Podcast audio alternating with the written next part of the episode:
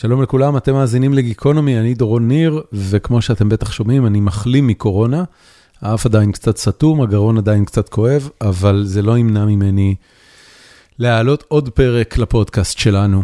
Uh, הפרק שלנו היום uh, נולד בעקבות uh, זה שבשבוע שעבר, נאסא והבית הלבן הכריזו על פרסום חמש התמונות הראשונות שהושגו באמצעות טלסקופ ג'יימס ווב. טלסקופ חדשני שהוא טס לחלל במהלך החודשים האחרונים, התמקם והתחיל לצלם את היקום בצורות ובזוויות שעדיין לא ראינו. והתמונות באמת היו מהממות ביופיין. ומכיוון שאני חובב מדע בדיוני וחובב מדע באופן כללי, אז מיד הרמתי טלפון או מסנג'ר לחברנו היקר יריב בש, ושאלתי אותו את מי הוא היה משדך לי כדי, כדי שאעשה פרק על התמונות האלה, על הטלסקופ הזה, ובאופן כללי, מה קורה בחלל בזמן שאנחנו רבים על שטויות פה על כדור הארץ. יריב, תוך שלוש שניות סיפר לי שהוא ישב עם דוקטור עודד אהרונסון, מהמחלקה לגיאולוגיה פלנטרית במכון ויצמן, ממש ערב קודם לבירה, ושהוא ישמח לחבר אותו, ושאין אדם מתאים ממנו לעשות פרק על, על הטלסקופ הזה ועל התמונות האלה ועל כל מה שמתחולל בחלל והגילויים המדעיים סביב זה. וכך הגענו לפרק הזה. אני לא אכביר מילים, עודד אהרונסון, מעבר לזה שהוא מותק של בן אדם שהסכים תוך חמש דקות לעשות את הפרק, הוא פרופסור לגיאולוגיה ומדעים פלנטריים, מדע, מדעי כוכבי הלכת. הוא בוגר אוניברסיטת קורנל והוא חוקר היום במכון ויצמן, הוא גם כמובן מעורב בעמותת Space.il ובפרויקט בראשית 2. קבלו את פרק 583 עם דוקטור עודד אהרונסון.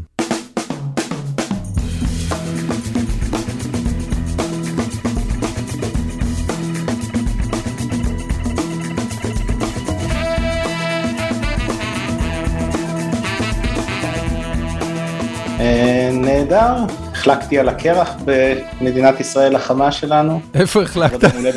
איפה החלקת על הקרח? בחולון יש... אחלה קרח? כן, החלקה על הקרח, לכבוד היום הולדת חמש של הבן שלי, היה נהדר. איזה יופי. וואי, זה, תקשיב, אני פה בטקסס, הם, יש להם אובססיה להוקי. אז, אז כל המשפחה, גם הבת שלי, גם הבן שלי, גם אני מנסה עכשיו להשתפר בהחלקה על הקרח. אתה יודע ממש להחליק? כאילו, אתה יודע את התנועות והכל, או שאתה כאילו מדדה ומקווה לא ליפול? אני עושה כאילו באופן מאוד משכנע. אגב, גם בחולון היו כמה אנשים שהיו לבושים כאילו שהם שחקני הוקי.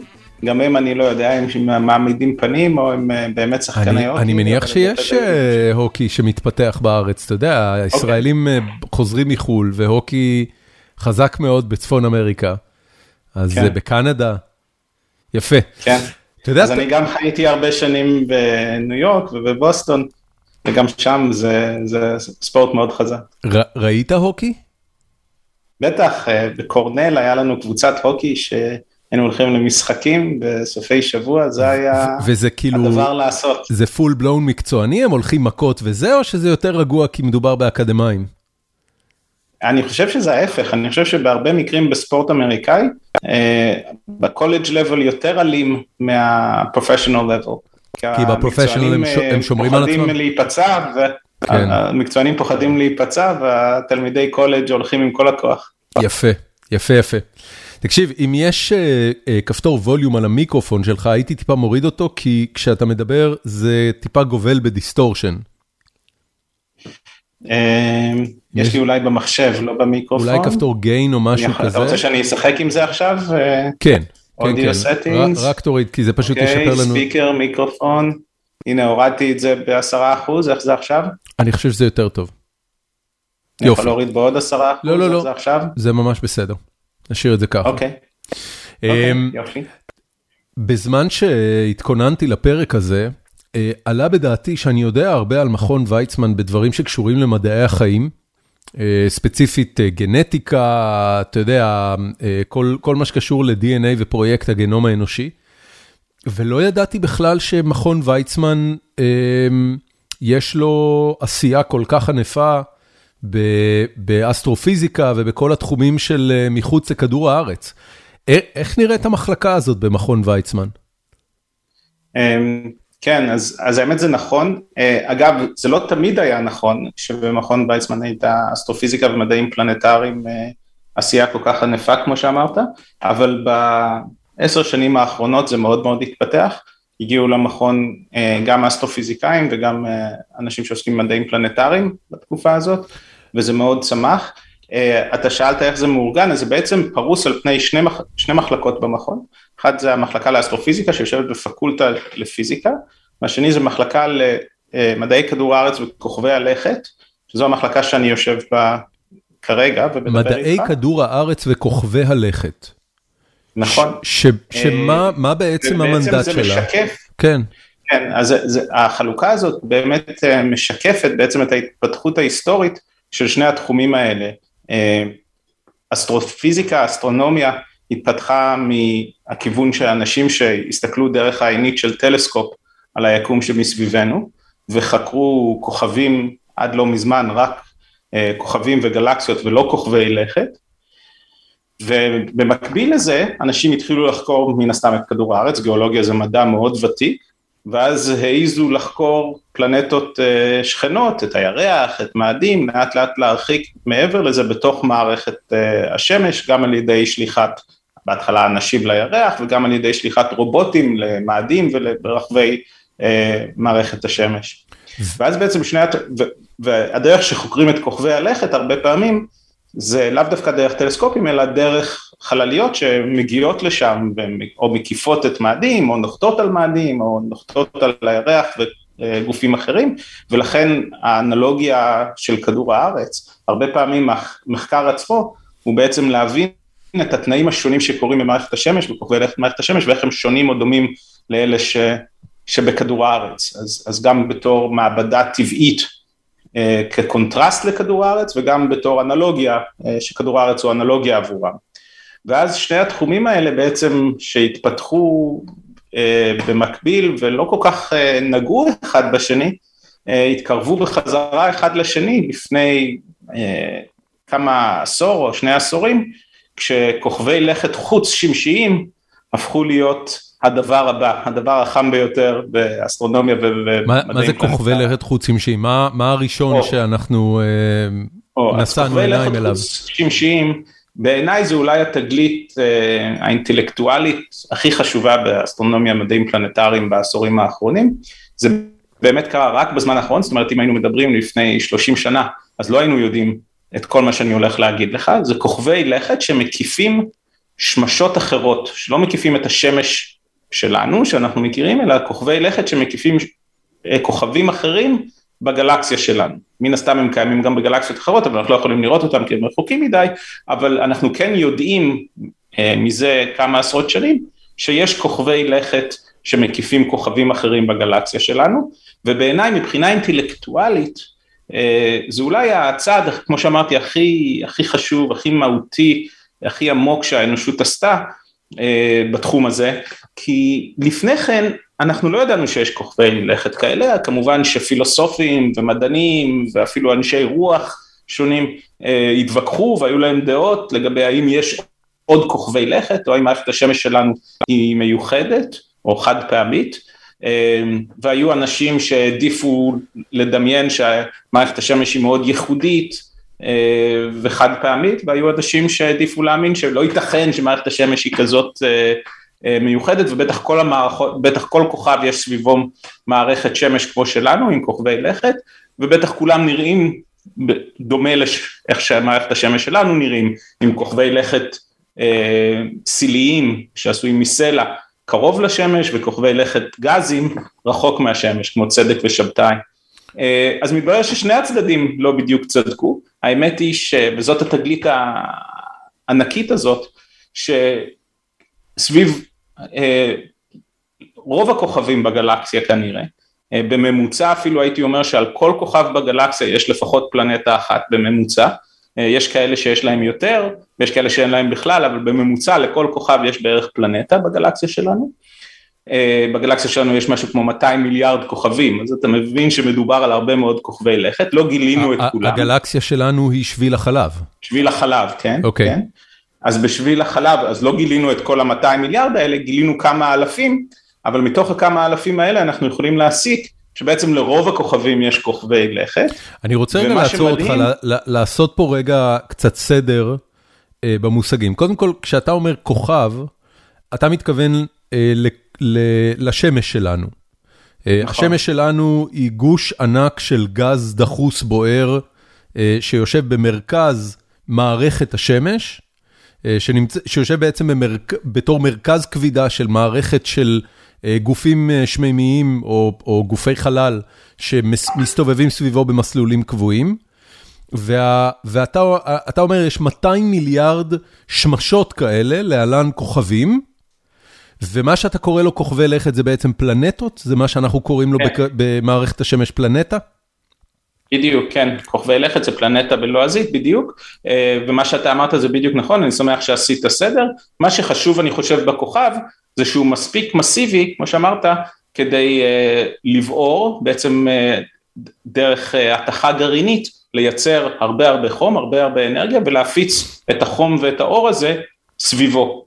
אז זה okay. מה שהשמש שלנו עושה. מהו הכוכב הכי קרוב אל השמש שלנו?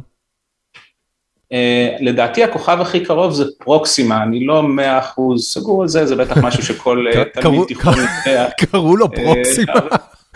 קוראים לו פרוקסימה כי הוא קרוב. כמה תחכום. אבל שנייה, תרשה לי שנייה לחזור למה שדיברנו. סליחה, כן. אז השמש מפיצה אור וחום בפני עצמה, כמו שאנחנו יודעים היטב, היא מחממת אותנו כאן. וכוכבי הלכת שאנחנו רואים סביב השמש, ואם אנחנו נצא בלילה לשמיים, היוונים קראו להם פלנטות כי הם wanderers, זה ב, ביוונית זה גופים שזזים, okay. אוקיי. כי הם ביחס לכוכבים הם זזים, למה הם זזים? כי ביחס לכוכבים הם מסתובבים כמונו, הם מסתובבים סביב השמש, אז ביחס לכוכבים שמאוד מאוד רחוקים מאיתנו, כן. אנחנו רואים את כוכבי הלכת זזים בשמיים. הסיבה שאנחנו מקבלים אור מכוכבי הלכת זה כמובן לא כי הם מפיצים אור בעצמם, הם לא, אין בהם בעירה גרעינית, אלא הם רק מחזירים את אור השמש, כמו שגם הירח מחזיר את אור השמש אלינו, רק שהכוכבי לכת האלה הרבה יותר רחוקים. עכשיו אתה יכול להבין שהכוכבי לכת החוץ שמשיים שדיברנו עליהם קודם, מאוד מאוד קשה לראות אותם, בטח נדבר על זה עוד בהמשך השיחה, מאוד קשה לראות אותם כי יש לידם מאוד מאוד קרוב מאיפה שאנחנו יושבים, יש לידם שמש, ולפעמים אפילו שתי שמשות, זוג בינארי של שמשות, שבוערים ומפיצים המון המון אור, ואם אתה תיקח את המצלמה שלך ותנסה לצלם משהו מאוד חיוור ליד משהו מאוד בהיר, כן. אז לא רק שאתה צריך רזולוציה מאוד טובה בשביל להפריד בין שני הגופים האלה, רוב המצלמות בכלל לא יצליחו לעשות את זה גם אם היה להם רזולוציה טובה, כי הגוף הבהיר הוא כל כך הרבה יותר בהיר מהגוף החיוור, שהטווח הדינמי, המצלמה לא תצליח לתפוס גם את הגוף החיוור וגם את הגוף הבהיר ב, ביחד. אוקיי. אז מאוד קשה לראות אותם באופן ישיר. אני, אני אעשה פאוזה כרגע, ותכף אנחנו נחזור לכל העניין הזה, אבל אני רק רוצה לשאול, מה לבחור סימפטי כמוך ולכל העניין הזה? איך בכלל הגעת למכון ויצמן, ואיך הגעת להיות, מה ההגדרה שלך, אסטרופיזיקאי? אני פרופסור למדעים פלנטריים במכון. איך מגיעים להיות פרופסור למדעים, למדעים פלנטריים? אז איך שזה קרה לי, זה שבעצם הזכרתי קודם את האוניברסיטת קורנל, זה, אני למדתי שם לתואר ראשון ושני בפיזיקה. אתה, אתה גדלת בארץ. אני נולדתי בארץ ובעצם בתחילת התיכון ההורים שלי נסעו לשליחות לארצות הברית ואני עברתי איתם, okay. אוקיי. ואז המשכתי את כל הלימודים בארצות הברית. איפה? אז שהיתי, אז תואר ראשון ושני בקורנל ודוקטורט ב-MIT, אחר כך הייתי פרופסור עשר שנים בקליפורניה. רגע, אבל אתה, אתה, בחור, אתה בחור ישראלי, תיכוניסט, מגיע לארצות הברית, איפה נחתתם בניו יורק? פרי תיכון, נחתנו בניו יורק, למדתי בתיכון בניו יורק. ואז המשכתי לקולג'. ושם גילית את האהבה שלך לא, למדעים פלנטריים? עד שלב מאוד מאוחר, שאני אפילו מתבייש להגיד לך כמה מאוחר, לא ידעתי אפילו לנקוב בשמות כל הכוכבי הלכת במערכת השמש שלנו. כי לא מלמדים את זה בישראל. אם היית גדל בארצות הברית, היית יודע את זה מיסודי. ואז הגעתי לקורנל ועשיתי תואר ראשון, התחלתי תואר ראשון בפיזיקה, וכחלק מהתואר הזה לקחו, לנו, לקחו אותנו לסיורים במעבדות בקמפוס, וקיבלתי נקודת זכות אחת עבור זה שהשתתפתי בכל הסיורים האלה, ואז בסוף הקורס אמרו לנו, אגב אתם יודעים, כדאי לכם לחזור לכל אחד אה, מהמעבדות, ש... לכל אחת מהמעבדות שביקרנו בהן, ותשאלו אולי מישהו יסכים לזכור אתכם בתור עוזרי מחקר. כפ... כמה, כפרנסה, כעבודה לקיץ? עבודה לקיץ או עבודה אחרי שעות הלימודים אה, באוניברסיטה. אז אני לקחתי דברים כמשמעם והתחלתי, חזרתי, הלכתי למעבדה, יש שם סינקוטרון, אה, מאיץ חלקיקים, שאלתי אולי אתם רוצים אה, שאני אעזור לכם, אז הם אמרו לי, למדת כבר פיזיקה מתקדמת? אז אמרתי לא. שאלו אותי, אתה יודע כבר לתכנת? אז אמרתי, אני בדיוק לומד לתכנת, עוד לא. אמרו, טוב, תחזור כשאתה יודע יותר. וככה עברתי שתיים שלוש מעבדות, אחת המעבדות שביקרנו בהן הייתה מעבדה של אה, פרופסור שנקרא סטיב סקוויירס, הוא אה, היה אז אה, פרופסור בקורנל, ואז גם כן הוא שאל אותי, טוב, אתה יודע את זה, אתה יודע את זה, אמרתי, לא, לא, אז הוא אמר, טוב, תחזור עוד שבוע. אז חזרתי עוד שבוע, אז הוא אמר, טוב, תחזור עוד שבועיים. ואני לא הבנתי את הרמז וחזרתי עוד שבועיים ואז הוא אמר טוב בסדר אני אתה יכול להתחיל לעבוד בתור עוזר מחקר. והסטודנט הזה הוא ברק אובמה. זה ממש. כן, אחרי הרבה שנים אני חושב אולי שזאת הייתה זה היה מכוון לראות למי יש באמת את ה... עקשנות. אתה יודע, יש עניין כזה בדת היהודית שאם מישהו רוצה להתגייר אז צריך להשיב פניו ריקם שלוש פעמים לפני שהוא מקבל את האוקיי כדי להיות בטוח שהוא לא בא בטעות. בדיוק, אז זה בדיוק הייתה הסיטואציה שם, שכחתי את הסיפור הזה, אבל זו הקבלה יפה. וזהו, and that was the beginning of a beautiful friendship, אם אני יכול להגיד את זה ככה. אז התחלת בתור עוזר מחקר. התחלתי בתור עוזר מחקר וככה התקדמתי. מה עושה עוזר מחקר במחלקה למדעים פלנטריים? המשימה הראשונה שקיבלתי, אני עד היום זוכר אותה, היינו מקבלים את כל. אז הגיעה חללית לנוגה, חללית הראשונה שנכנסה למסלול סביב נוגה, והתחילה לצלם את נוגה, וכל חודש היינו מקבלים את הדיסקים, אז זה היה מדיה אופטית, כמו CDs כאלה, שעליהם אה, נאס"א היו כותבים את התמונות וככה היו מפיצים את זה, אה, האינטרנט הייתה הרבה יותר מדי איטית אז בשביל להפיץ את כל הנתונים האלה דרך הרשת, אז היינו מקבלים את הנתונים על דיסקים והמטלה הראשונה שלי הייתה לעשות קטלוג ולסדר את הדיסקים. ואז אני הלכתי הביתה ופגשתי עוד איזה מישהו מהעבודה ובניתי אה, מדפים מעץ למעבדה בשביל שבנוסף לסדר אותם דיגיטלית נוכל לסדר אותם גם על הקיר. ו... ואז וזהו וזו הייתה המטלה הראשונה זאת הייתה המטלה הראשונה שלי. במשך השנים כמובן התחלנו לקרוא את הנתונים וכתבתי עבודות על ה... ומאמרים על הנתונים שחלליות גם החללית הזאת וגם חלליות אחרות אה, אספו. ובעצם אני חשוב לי להגיד שמה שבעצם גרם לי להתאהב אני חושב וכל הקריירה שלי לאחר מכן הופנתה לכיוון הזה בזכות אותו מנחה. אני מאוד מאמין ב-role models, בדמויות לחיקוי, שאני חושב שבזכות סטיב בעצם אני אמרתי אני רוצה לעשות מה שהאיש הזה עושה וככה בעצם התגלגלתי לזה ואני חושב שזה לא כמו אנשים אחרים אגב מהתחום שלי, נגיד המנחה שלי ב-MIT, שבתור ילדה היא הסתכלה על השמיים ואמרה זה מה שאני רוצה לעשות והיא דיטשה עדשות של טלסקופים בעיירה הקטנה שלה בפנסילבניה, באמת זה סיפור אמיתי, מדהים. היא ידעה שזה מה שהיא רוצה לעשות, היה לה את, ה, את ה calling הזה לאסטרונומיה. אני לא ידעתי שזה מה שאני רוצה לעשות, חשבתי אולי אני אהיה איש עסקים כמו אבא, אבל פשוט פגשתי את הבן אדם הנכון בזמן הנכון וככה התגלגלתי. לכמה מהאנשים במחלקה ללימודים פלנטריים אה, יש אה, סיפור, אה, אתה יודע, סיפור התאהבות שמתחיל מסדרות מדע בדיוני כמו סטאר טרק וסטאר וורס, כאילו כמה מגיעים משם? אני, אני לא עשיתי סטטיסטיקה, אבל אני חושב שבמיוחד בתחום הזה של חלל, אני חושב שהרבה אנשים מפתחים את התשוקה הזאת בגיל צעיר.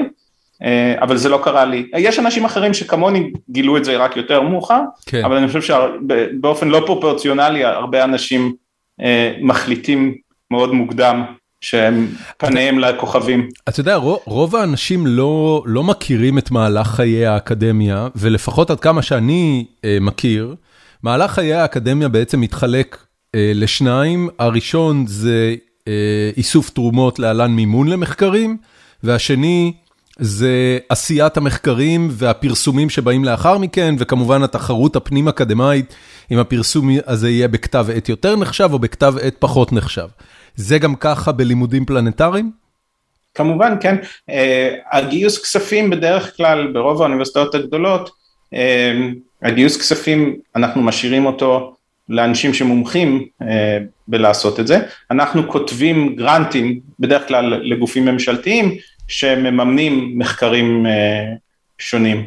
הבנתי. Uh, אבל, אבל כמובן שלכל, לאוניברסיטאות גדולות יש גם תרומות שעוזרות לחוקרים לבצע. היום בישראל וספציפית במכון ויצמן, המחלקה הזאת זה מימון מדינה או תרומות? גם וגם, יש חלק שהוא נובע מתרומות ויש חלק שנובע ממימון פנימי okay. אוקיי. וממשלתי. כן. טוב, אז אתה יודע משהו, בוא, בוא רק נסגור את הפינה הזאת, כי זאת הייתה הסיבה שבגללה רציתי שנעלה לשיחה, בוא נדבר רגע על טלסקופ ווב. וכבר התחלתי להבין את המורכבות, למה התמונות האלה הן כל כך מיוחדות, כי אתה בעצם אומר, התמונות האלה אה, מראות לך אה, בצורה, ברזולוציה יחסית יפה, הרבה מאוד אובייקטים שאתה לא אמור לראות, כי, כי הם לא מקרינים אור בעצמם. אבל קודם כל, איך התמונות האלה בכלל נוצרו? טוב, אה, אתה אמרת כמה דברים, אז תרשה לי קצת כן, לפרק את זה. כן, בבקשה. אז הטלסקופ ווב, ג'יימס ווב Space Telescope, הוא יכול להסתכל על כל מיני דברים, אנחנו יכולים לכוון אותו על... מהו הטלסקופ הזה? זה זה, זה חתיכת עדשה? זה כמו שאנחנו מכירים טלסקופ... זה כמה חתיכות, זה 16 אם אני לא טועה חתיכות של מראות, אוקיי. שמחזירות את האור לתוך עדשה ומאחורי העדשה הזאת אה, יושבים כמה מכשירים שהם מצלמות או ספקטרומטרים, שהן מקבלות את כל האור מהמערך מראות הגדול הזה, שהקוטר שלו... כמה גדול זה? שמונה מטר. זאת אומרת, זה טלסקופ שעל פני כדור הארץ יש כמה כאלה, לא המון, אה, ובחלל זה בי פאר הטלסקופ החללי הכי גדול. איפה הוא עומד כרגע? שהאנושות אי פעם שיגרה, והאמת שהוא כל כך גדול והמערך מראות, ותכף נדבר גם על ה... אה, מגן שמש שלו, שמיכות טרמיות שמגנות עליו מפני השמש, הוא כל כך גדול שאי אפשר לשגר אותו ככה, אלא צריך לשגר אותו מקופל כמו אורגמי, ואז כשהוא מגיע לאן שהוא צריך להגיע הוא נפתח אה, בחלל. הוא נמצא בנקודה מאוד מיוחדת ומעניינת, נקודה שנקראת L2, הנקודת לגרנג' אה, מספר 2. הנקודה הזאת, אם תדמיין את השמש, נגיד במרכז מערכת השמש, ואז כדור הארץ נמצא אה, בערך 150 מיליון קילומטר מהשמש, אוקיי? כן. תיקח עוד החוצה מיליון וחצי קילומטר, שם יש נקודה מאוד מיוחדת. בנקודה הזאת, בגלל ההשפעה הגרביטציונית של השמש ביחד עם כדור הארץ, אם אתה שם משהו שם, משהו כמו החללית הזאת, כמו הטלסקופ הזה, אז הוא בעצם מקיף את השמש בדיוק באותו קצב, אחת לשנה, שכדור הארץ מקיף את השמש. אוקיי. זאת אומרת, אם כדור הארץ לא היה שם, הנקודה שמקיפה את השמש פעם בשנה, היא במרחק של כדור הארץ מהשמש. אוקיי. אבל אוקיי. בגלל שכדור הארץ נמצא שם ויש לו קצת אפקט גרביטציוני נוסף על זה של השמש, אתה יכול להתרחק עוד מיליון וחצי קילומטר בערך, ואז יש עוד נקודה שבה, או בעצם עוד נקודה שבה מה שאתה שם שם מקיף את השמש ביחד עם כדור הארץ. אוקיי. אז עכשיו יש זוג של גופים, כדור הארץ ו... JWST ועוד כל מיני דברים שאנשים שמו באותה הנקודה, שמקיפים את השמש ביחד. זאת אומרת, הגיאומטריה הזאת, הקו הזה בין, כדור, בין השמש, כדור הארץ ו-JWST כל כן. הזמן נשמר. אוקיי. Okay. עכשיו, זה מאוד שימושי אם אתה רוצה לשים טלסקופ שם. כי מה שאתה יכול לעשות במצב הזה, רגע, אבל זה, הזמן... זה נקודת לגרנג' הראשונה או נקודת לגרנג' השנייה?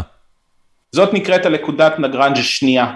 הנקודת אוקיי. לגרנג' הראשונה היא גם כן מקיפה את השמש בדיוק פעם בשנה, אבל זו נקודה אחרת שהיא בעצם אוקיי. נמצאת בין כדור הארץ לשמש. אוקיי, זאת אומרת, היא יותר קרובה לשמש. יותר רחוק מכדור הארץ ביחס אוקיי, לשמש, אוקיי. היא נמצאת יותר קרוב לשמש, בדיוק. הבנתי. ויש, ויש עוד שלוש נקודות כאלה שכולן הן יציבות, זאת אומרת כולן הן אה, מקיפות את השמש בדיוק.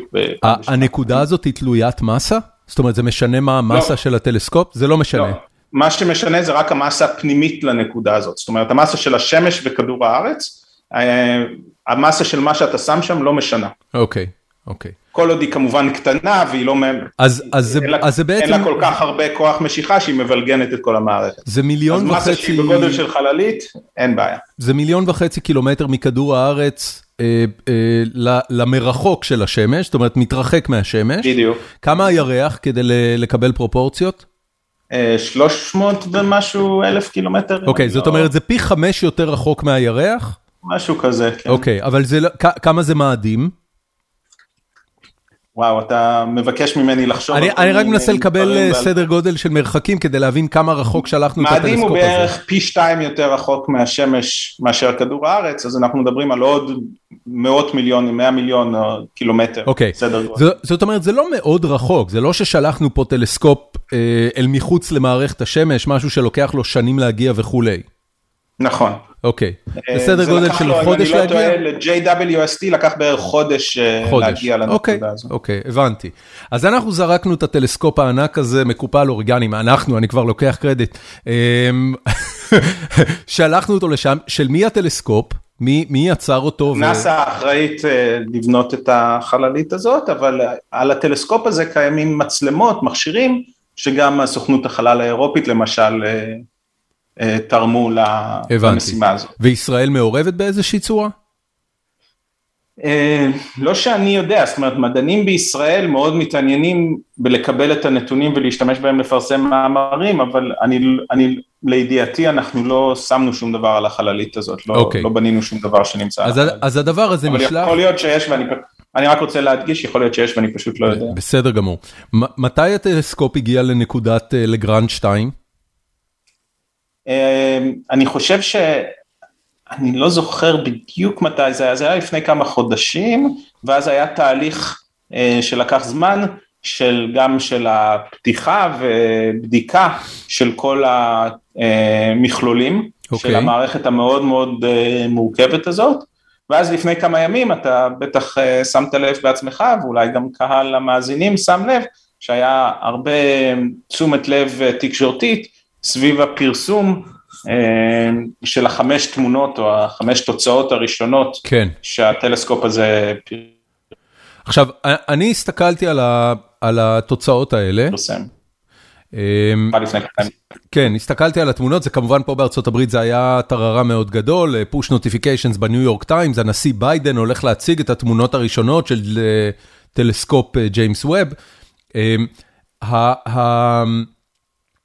התמונות הוצגו, וכשאני קראתי, אז משהו שם הפתיע אותי, כי מצד אחד תיארו את הטלסקופ בתור טלסקופ אה, אינפרה אדום, זאת אומרת הוא קולט אור שלמעשה העין האנושית לא רואה אותו, ומצד שני התמונות שיצאו כמובן היו תמונות מהממות בצבעוניות וביופי שלהם, סקלת צבעים שלמה מירוק ועד אדום. אז מה בעצם עבר על התמונות האלה כדי שאנחנו נוכל לראות אותם בעיניים שלנו כמו שהם נראו? כן, אז, אז ככה, אז קודם כל אתה צודק, אה, רוב הפוטונים או האור שהטלסקופ הזה מדד ושממנו נוצרו התמונות, אלה הם פוטונים שאנחנו לא יכולים לראות בעיניים שלנו. אז מה שהמדענים עשו, זה הם בעצם לקחו פילטרים שונים באינפרה אדום, אוקיי. האמת שחלק מהאור כן מגיע קצת לכיוון הנראה, זאת אומרת הגבול של הטלסקופ של JWST הוא לכיוון האור הנראה, משהו סביב אדום או כתום, עדיין הטלסקופ הזה מסוגל לקלוט קצת אור כזה, אחרי זה כבר אין לו רגישות.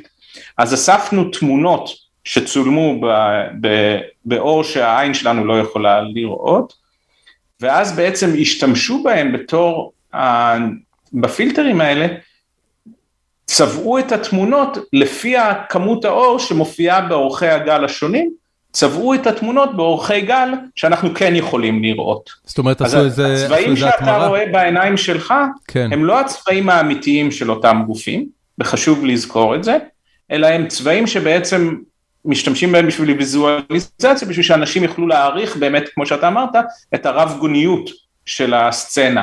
מה שכן אני יכול להגיד, למרות שזה לא צבעים אמיתיים, בדרך כלל כשעושים את התהליך הזה, משתדלים לשמור, זה לא מובטח, אבל משתדלים לשמור על הסדר של הפילטרים, ככה שאור שהוא צולם באורכי גל שהם יותר אה, קרובים, אורכי גל אה, יותר קצרים, שומרים את האור הזה לכיוון היותר הפילטרים הכחולים, או ש, שהם גלי אור קצרים יותר. את התמונות יותר בכחול, ואור שנאסף באורכי גל יותר, אדום, אה, באורכי גל יותר ארוכים, משתמשים באור הזה בשביל לצבוע את התמונות יותר באדום.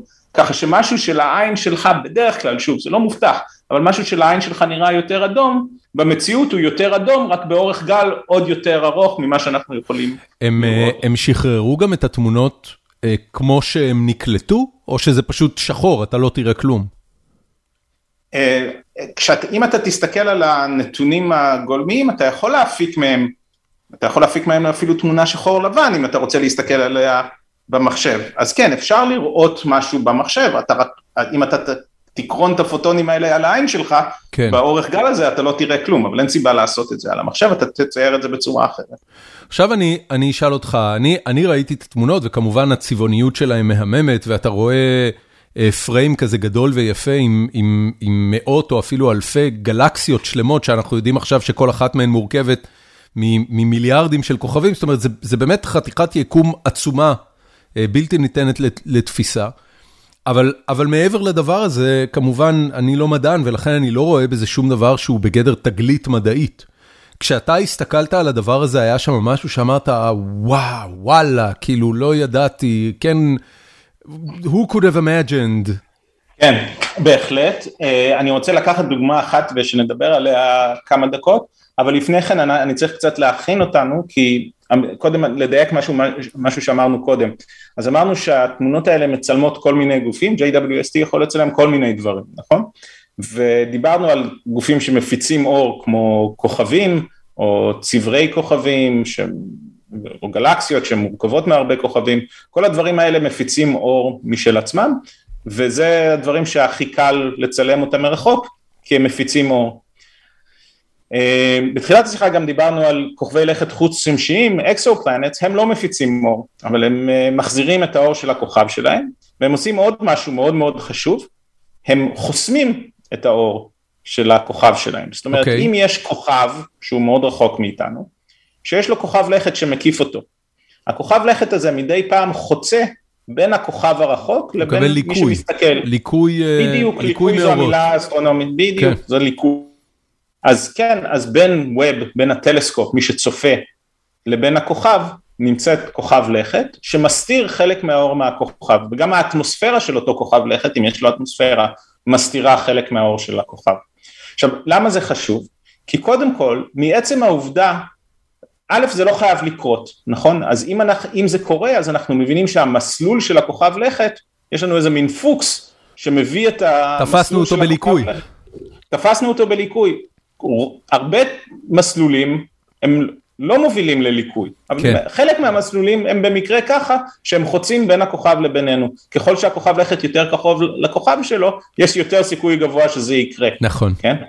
אז קודם כל אנחנו יודעים משהו על המסלול של הכוכב לכת הזה, מזה שזה בכלל קרה, ומזה שאנחנו רואים שחסר קצת אור, פעם, כל פעם שהכוכב לכת מקיף את הכוכב, זה יכול להיות בכוכבי לכת שאנחנו מגלים, זה יכול להיות אפילו ימים, תדמיינו לעצמכם כוכב לכת שמקיף את הכוכב שלו כל כמה ימים, זאת אומרת שהשנה שלנו זה בעצם כמה ימים באותו כוכב לכת, אז כל כמה ימים או כל כמה חודשים או במקרים הכי קשים זה כל שנה או כל כמה שנים, חסר לנו קצת אור מהמדידות שלנו ואז אנחנו יודעים שיש שם כוכב לכת, ומה ש-JWST הצליח לעשות, ואתה שאלת אותי אם היה שם איזה תגלית שאני אמרתי וואו לא ידעתי, אז אני רוצה לקחת את ההזדמנות הזאת ולהגיד הנה זה משהו שלא ידעתי, אמ, יש אה, כוכב לכת שקוראים לו WASP 96B כי זה המכשיר והמספר פלנטה שהמכשיר הזה גילה, WASP 96B, הכוכב לכת הזה מקיף את הכוכב שלו, הכוכב במרחק של בערך אלף שנות אור מאיתנו,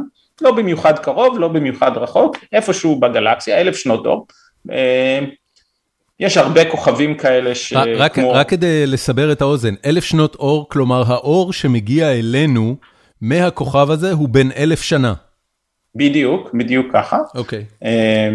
תכף נדבר על מקומות הרבה יותר רחוקים שצולמו על ידי JWST, כן. התחלתי, התחלתי בהכי קרוב. אה, אז במרחק של אלף שנות אור מאיתנו, אה, לאור מהשמש לוקח כמה דקות להגיע מהשמש אלינו, כן? אז תדמיינו שזה אה, הרבה הרבה יותר רחוק מזה מן הסתם, אבל, אבל עדיין בגלקסיה שלנו. והאור הזה, כל פעם שהכוכב לכת חוצה מול הכוכב, חלק מהאור של הכוכב חסר, אבל יותר מזה, החלק של האור של הכוכב שעובר דרך האטמוספירה של הכוכב לכת, נבלע על ידי האטמוספירה, אבל האטמוספירה לא בולט, בולעת את כל האור, אלא יש לה קווים, יש אורכי גל מסוימים שבולעים יותר אור מאורכי גל אחרים. ככה אתה יודע שיש אטמוספירה, אתה גם יודע מה ההרכב של האטמוספירה? בדיוק, עכשיו יפה, הקווים האלה תלויים בהרכב של האטמוספירה. זאת אומרת, אנחנו יודעים שחמצן או חנקן או אדי מים, כל מיני חומרים שונים מופיעים בספקטרום, באורכי גל, במקומות שונים. ומה שאחת מהחמש, מהחמש תוצאות שפורסמו על ידי נאס"א היו הספקטרום של הפלנטה, של האטמוספירה של הפלנטה של וואספ 96b ושם רואים בבירור, בפעם הראשונה, בצורה באמת משכנעת שאי אפשר להתווכח אליה, איתה, שבכוכב לכת הזה יש אדי מים. זאת אומרת, באטמוספירה שלו יש אדי מים. גשם. אנחנו יודעים עוד כל מיני... כן, אנחנו יודעים עוד כל מיני דברים על הכוכב לכת הזה, המסלול אתה, שלו... אתה אומר אדי מים, אדי מים זה עננים באטמוספירה. זה יכול להיות, אנחנו לא בטוחים אם זה עננים או אובך או אדי מים שהם שקופים, אבל חוץ מבאותם קווים, זאת אומרת זה לא חייב להיות עננים כמו שאנחנו, עננים אה, יש בהם גם חלקיקים אה, בכדור הארץ, כן, בגלל זה הם גם אטומים, כן. יש לנו די מים שהם שקופים גם באטמוספירה שלנו, אבל מה שאני, חשוב לי להגיד זה, הכוכב לכת הזה הוא במסלול של פעמים, הוא בגודל רגע, הוא, של... הוא במסלול שמה? שמקיף את השמש שלו פעם בשלושה ימים, זאת אומרת הוא מאוד קרוב לשמש שלו, אוקיי. הגודל של הכוכב לכת הזה הוא בגודל של שבתאי, הכובד שלו, סליחה, כמה שהוא שוקל, הוא שוקל משהו כמו שבתאי כנראה, okay. אבל אוקיי. הגודל שלו הרבה הרבה יותר גדול. זאת אומרת שהוא, שהוא כוכב לכת גזי, מאוד uh, לא צפוף, תדמיינו כוכב לכת גזי, עננת גז, שיש באטמוספירה שלה אדי מים, אוקיי? זה, זה גוף שלא קיים במערכת השמש. כן. ואם אני, ו, ובאמת מדהים, מטורף, מדהים, מפתיע בכל מיני ממדים. רגע, איך, איך שנייה, יכול להיות... רק, רק עוד אה, משפט אחד, רק עוד משפט אחד אני חייב להגיד. בטח. אם אני אחזור שנייה למה שהתחלנו קודם, לגבי ההפתעה הגדולה של אה, התגלית של כוכבי לכת חוץ שמשיים, אני חושב שזה רק הדגמה אחת מתוך המון של ההפתעה של האנושות שהיא גילתה, שלא רק שמערכת השמש היא לא המערכת השמש היחידה ביקום או בגלקסיה שלנו, אלא שיש הרבה מאוד מערכות שמש, אבל ההפתעה הגדולה היא שהמערכות האלה הן כל כך שונות ומשונות ויש כל כך הרבה חיות ומוזרות בגן חיות הזה שלא ציפינו למצוא, זאת אומרת היו לנו תיאוריות לאיך מערכת השמש שלנו נוצרת והציפייה הנאיבית האנושית הייתה טוב אנחנו מבינים איך אנחנו נוצרנו אז אם יש עוד מערכות שמש כנראה שגם הם נוצרו באותה דרך ולכן הן נראות באופן דומה והנה דוגמה מטורפת לאיך מערכת שמש, כמה שונה היא יכולה להיות מהמערכת שמש שלנו, עם גוף בכובד של שבתאי שהוא יותר גדול מכל פלנטה אחרת, שמקיף את השמש במרחק כל כך קרוב, הרבה בתוך המסלול של כוכב חמה שלנו, ושיש בו אדי מים כן. באטמוספירה. אז כאילו בום, כאילו האימוג'י של הראש המתפוצץ, אה, זה מה שאני... אתה, אתה ראית. ראית את הדאטה הזה בזמן אמת? זאת אומרת, הם, הם שחררו את התמונות לציבור, אתה יודע, יום שלישי, אם אני לא טועה, אחר הצהריים? כן, אני ראיתי את זה ביחד עם כולם, אני לא בתוך הצוות של המכשיר הזה, האנשים, המדענים שעוסקים במח... שהם אחראים למכשיר הזה, הם בטח ראו את הנתונים קודם, ואיבדו את הנתונים וניקו את זה, אה, אני ראיתי את זה ביחד עם כולם. עכשיו, כש, כשאתה רואה דבר כזה, אתה יודע, היה... בחיים שלי כיזם, סליחה על האנלוגיה המאוד בנאלית, אבל הייתה תקופה בהיסטוריה של התפתחות חברת אפל והפלטפורמות הסלולריות, שכל פעם שסטיב ג'ובס היה עולה למסיבת עיתונאים ומציג מוצרים חדשים של אפל, איזה 100 סטארט-אפים היו מתים באותו רגע, כי הם היו פשוט הורגים להם את האפליקציה, כי אפל הייתה מייצרת אפליקציה משל עצמה. ובאיזושהי נקודה הם הפסיקו לעשות את זה. כשאתה רואה תגליות מדעיות כאלה, אתה מריץ בראש את כמות המדענים שיצאו חומוס בתיאוריות שלהם במאמרים לאורך העשר שנים האחרונות?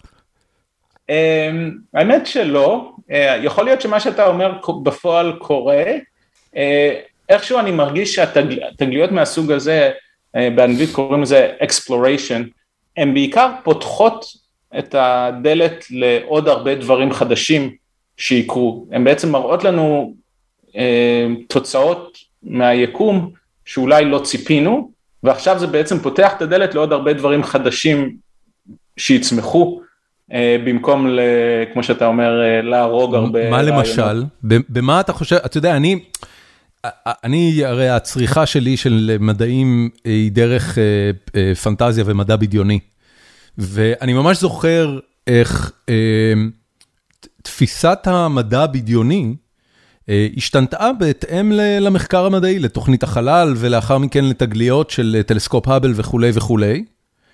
והפריצת דרך האחרונה, אם אפשר לקרוא לה, במובן הזה של מדע בדיוני, אה, היא, היא מבחינתי הייתה בסרט אינטרסטלר, שזאת הייתה פעם ראשונה שהציגו חור שחור בתור משהו שהוא דווקא עם מלא אור ולא באמת חור שחור, אלא משהו שהוא כדור אור ענקי, ואני זוכר אז גם שקראתי שמדובר בתיאור המדויק ביותר של חור שחור שהמדע עד היום יצר, ושהיה מעורב בזה אה, כמה אנשים מאוד מוכשרים מהאקדמיה. אה, במה התגליות של אה, טלסקופ ג'יימס ווב הולכות לשנות את ה... את התפיסה שלנו, את היקום, לשנים או לעשורים הבאים, לדעתך? כן, טוב, מן הסתם זאת רק ההתחלה, כולם מבינים את זה, אם יש משהו שאני יכול להדגיש לגבי התמונות האלה ששוחררו, זה שאלה לא התמונות הכי טובות שג'יימס ווב יצלם, אלה רק התמונות הראשונות שג'יימס ווב צילם, okay. אוקיי. ואפילו הייתי אומר שסביר להניח, או לא סביר, כמעט בטוח, שהתמונות הבאות תהיינה עוד יותר טובות, כי יהיה לנו יותר זמן חשיפה, נוכל לצלם תמונות בגיאומטריות עוד יותר אה, טובות, יהיה לנו יותר תמונות עוד ועוד ועוד תמונות יותר באיכות יותר ויותר טובה וספקטרומס באיכות יותר ויותר טובה. אז קודם כל אני רוצה להגיד זה רק ההתחלה התמונות האלה, אבל סתם אם ניקח את הספקטרום הזה בתור דוגמה שאנחנו מתמקדים בו, מה זה אומר לנו, זאת אומרת מה אנחנו יכולים לעשות עכשיו שאנחנו יודעים שיש אדי מים באטמוספירה של וואספ 96B, איזה סטארט-אפים יכולים, אה, כן. סטארט-אפים מדעיים יכולים אה, לקום סביב זה. אתה יודע, אתה שאלת קודם כל מה יכול, אה, איזה תיאוריות אנחנו יכולים נגיד לבטל, כמובן שחלק חשוב במדע זה לבדוק תיאוריות ולאשש אותן או להוכיח שהן לא נכונות, אז יכול להיות שיש גם תיאוריות שיוכחו כלא נכונות, למשל שכל הכוכבי לכת שהם קרובים לשמש שלהם הם כוכבי לכת סיליים, כמו אלה של כדור הארץ. אז לא מהספקטרום הזה, אנחנו כבר מזמן יודעים שזה לא נכון. ציליים מלשון צל, זאת אומרת כאלה שהם... סל, סל, סלע. אה, סלעיים, כן, אוקיי, כן, סליחה, כן. סליחה, כן. אה, אז נגיד כוכב חמה, שהוא הכי קרוב לשמש במערכת השמש, הוא, הוא גוף סלעי שאין לו אטמוספירה. אז יכול להיות שהיית רוצה לעשות תיאוריה אה, שאומר שכל מה שקרוב לשמש שלו לא יכול באמת להחזיק אטמוספירה כי כל כך חם שם שהאטמוספירה מתנדף. תישרף ותתנדף. ותתנדף. אז, אז זה כבר אנחנו יודעים שזה לא נכון ואנחנו לא צריכים את הכוכב לכת הזה בשביל להוכיח את זה, אבל גם הוא מכריח שאפילו גוף, כמו שאמרנו, במשקל של שבתאי, יכול לשרוד שם, צריך להבין איך הוא הגיע לשם, אה, תכף נדבר על זה, ומה ההרכב של האטמוספירה שלו. אז הנה דוגמה סתם לאיזושהי תיאוריה שאנחנו יכולים okay. אוקיי. להפריך בעזרת המדידות הזה, שזה מה שאתה שאלת, אבל שוב אני אומר, הרבה יותר נפוץ זה דווקא איזה תיאוריות חדשות אנחנו יכולים להמציא ולאן אנחנו יכולים לקחת את, ה, את התגלית הזאת. אז אוקיי, אז יש שם אדי מים, אז מה אנחנו יכולים לעשות עם העובדה הזאת? קודם כל יש תעשייה שלמה שהתפתחה בשנים האחרונות, של אנשים שעושים מודלים של האטמוספירות של כוכבי לכת חוץ שמשיים. אז עכשיו כל האנשים האלה, ברגע שהם ראו את הספקטרום הזה, אני יודע שהם רצו מהר מהר למחשב שלהם ולמעבדות שלהם, ומנסים לייצר מודלים שמאפשרים לאדי מים להיות יציבים ב, על הפלנטה הזאת ולהבין אם יש אדי מים, איזה עוד חומרים אולי יציבים שם, אה, מה הכימיה שקורית באטמוספירה, כל מיני מודלים שיכולים לתאר לנו איך ההרכב האטמוספרי הזה התפתח ו, ו, ו, ואיך הוא הגיע לשם. עוד תיאוריות, שהזכרת מדע בדיוני, אני, מים הם לא סתם החומר שכולם מחפשים, אני חושב שאתה כבר מדמיין לאן אני הולך. בטח, מים זה חיים. חיים, כן, אז עוד תיאוריות הרבה הרבה יותר ספקולטיביות זה, טוב, אם גילינו בכוכב לכת הזה די מים, אולי יש שם גם חמצן, אולי יש שם גם uh, מתאן, אולי יש שם כל מיני גזים אחרים שמעידים שהגזים האלה מבחינה כימית או פוטוכימית הם לא יציבים uh, במקום הזה, זאת אומרת שהם היו אמורים להתפרק או להתנדף, ובכל זאת אם אנחנו מוצאים אותם שם, אז כנראה שיש משהו שכל הזמן מספק את הגזים האלה לאטמוספירה, משהו כמו ביולוגיה, כמו חיים, שמשתמשות פוטוסינתזה, חמצן ופולטות CO2 או ההפך, משתמשות כמו צמחים, משתמשות ב-CO2, פולטות חמצן, או כמו פרות ואנשים שפולטים מתאן מהצד האחורי שלהם, כל מיני דברים חיים, שעושים כימיה, שעושים ביוכימיה באטמוספירה, כן. ומייצרים גזים שאנחנו יכולים למדוד, ועל ידי זה שנמדוד אותם, הפרס הגדול, באמת הפרס הגדול, אפילו נובל זה קטן לעומת הגודל של התגלית הזאת, זה הפרס הגדול הוא לגלות שיש, להוכיח שיש חיים אה, במקומות האלה. מה? אז הנה עוד תיאוריה הרבה הרבה הרבה יותר אה, רחוקה, שדי מים באטמוספירה יכולה... יש, אה, יש אה, קריטריון, אה, אמרת קודם לזהות או לגלות חיים על כוכבים אחרים, חיים ביולוגיים על כוכב אחר. מה, מעבר ללראות את החיים האלה, מעבר ללהשיג דגימות, שזה כמובן אף אחד לא מדבר כרגע, מה נחשב להוכחה ברורה מספיק של חיים על כוכבים אחרים שאנחנו נוכל לראות עם הטלסקופ הזה, אם בכלל? אין אין הסכמה על השאלה הזאת, זו שאלה מצוינת, אה, ש, שאין הסכמה כללית עליה, כל, וזה אגב העובדה שלא מסכימים על השאלה הזאת, אין, שאין דבר אחד חד משמעי, שזה סיבה לדאגה לכולנו, למה אני אומר את זה? אה, אחת השאלות שמראיינים תמיד שואלים אותי ותמיד מתעניינים זה האם ג'יימס ווב, האם הוא יגלה חיים? זאת אומרת אם הייתה לי תשובה חד משמעית איך אנחנו, א', אנחנו, מה הקריטריון בשביל לגלות אותם, יכול להיות שהייתי יכול לענות יותר בבטחה, אם יש סיכוי טוב ש-JWST יעשה את זה או לא. אבל קודם כל הבעיה היא שאין לנו קריטריון חד משמעי. אמ, המשפט שקופץ לי לראש, כשאני חושב על השאלה הזאת, זה משפט שאני חושב שקרל אמ, סייגן, מי שכתב את קוסמוס וקונטקט, כן. והיה פרופסור שהכרתי בזמן שהייתי בקורנל, הוא היה פרופסור בקורנל, אמ, משפט שהוא אמר, ש-extraordinary claims require extraordinary proof. זאת אומרת, ככל שהטענה שלך היא יותר... אה, בומבסטית. בומבסטית או קיצונית, ככה גם העדויות שאתה צריך להביא בשביל שיאמינו לך, חייבות להיות יותר אה, אה, משכנעות וחד משמעיות. והבעיה פה שלגלות חיים זה כזאת תגלית גדולה וחשובה ו...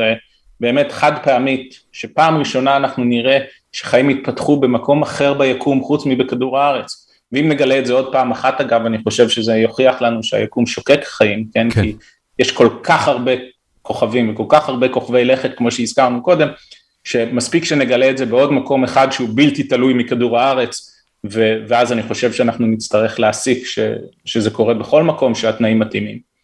אז התגלית הזאת היא כל כך גדולה וחשובה ותשנה בין אם זה ראייה דתית לראייה מדעית לראייה קוסמית של בעצם עם איך היקום, אה, ממה הוא כולל, ככה שיש מוטיבציה מאוד מאוד גדולה כן. לכל המדענים שמתחרים, ותאמין לי התחרות במדעים היא לא יותר קלה מהתחרות בסטארט-אפים, יש מוטיבציה כל כך גדולה בין המדענים לגלות את זה, שאני לא אופתע בכלל אם בזמן חיים של ג'יימס ווב ובזמן חיים שלך ושלי, מישהו יטען שהוא גילה חיים. ואז יתחיל התהליך המאוד קשה לבדוק אם הטענה הזאת היא נכונה או לא. ובגלל שאין קריטריונים חד משמעיים, אפילו להגדיר חיים אנחנו לא בהכרח יודעים לעשות באופן מושלם, אז בגלל, ש... בגלל זה אני חושב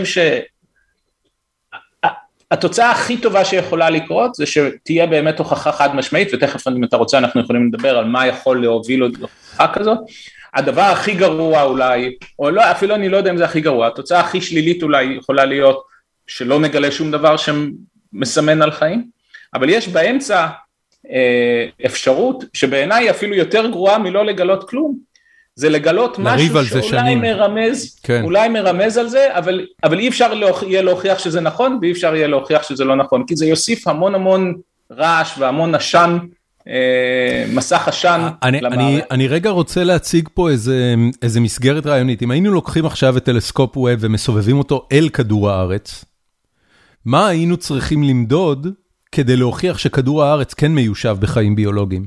כן, אז נהדר, אני ממש שמח ששאלת את זה. קודם כל עשו את הניסוי הזה עם חללית אחרת, שוב שקרל סגן היה מעורב בה, ו, ובאמת צפו בכדור הארץ.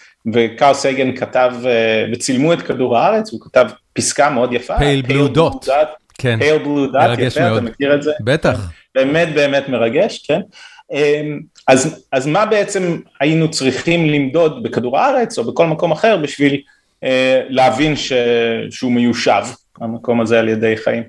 אה, אני חושב ששוב, גם על זה אתה תראיין עשרה מדענים ובטח תקבל עשר תשובות שהן לפחות חלקית קצת שונות. אבל uh, אני אגיד לך את התשובה, אני חושב איזשהו ממוצע בין כל הדעות האלה. אני חושב שהדרך הכי סבירה שבה יש סיכוי שנזהה את החותמת, את החתימת אה, אצבע של חיים, זה על ידי זה שנמצא קומבינציה של גזים, לא גז אחד, קומבינציה של גזים, שכל אחד מה... בקומבינציה הזאת זה גז שלא אמור להיות יציב תחת התנאים של הפלנטה הזאת. זאת אומרת, חמצן למשל, הוא לא יציב בהרבה סביבות, הוא מתפרק, אה, הוא מתנדף, הוא, הפלנטה אמורה לאבד אותו, ואם מוצאים חמצן זה כבר איזשהו רמז שיש איזשהו מקור על הפלנטה לחמצן.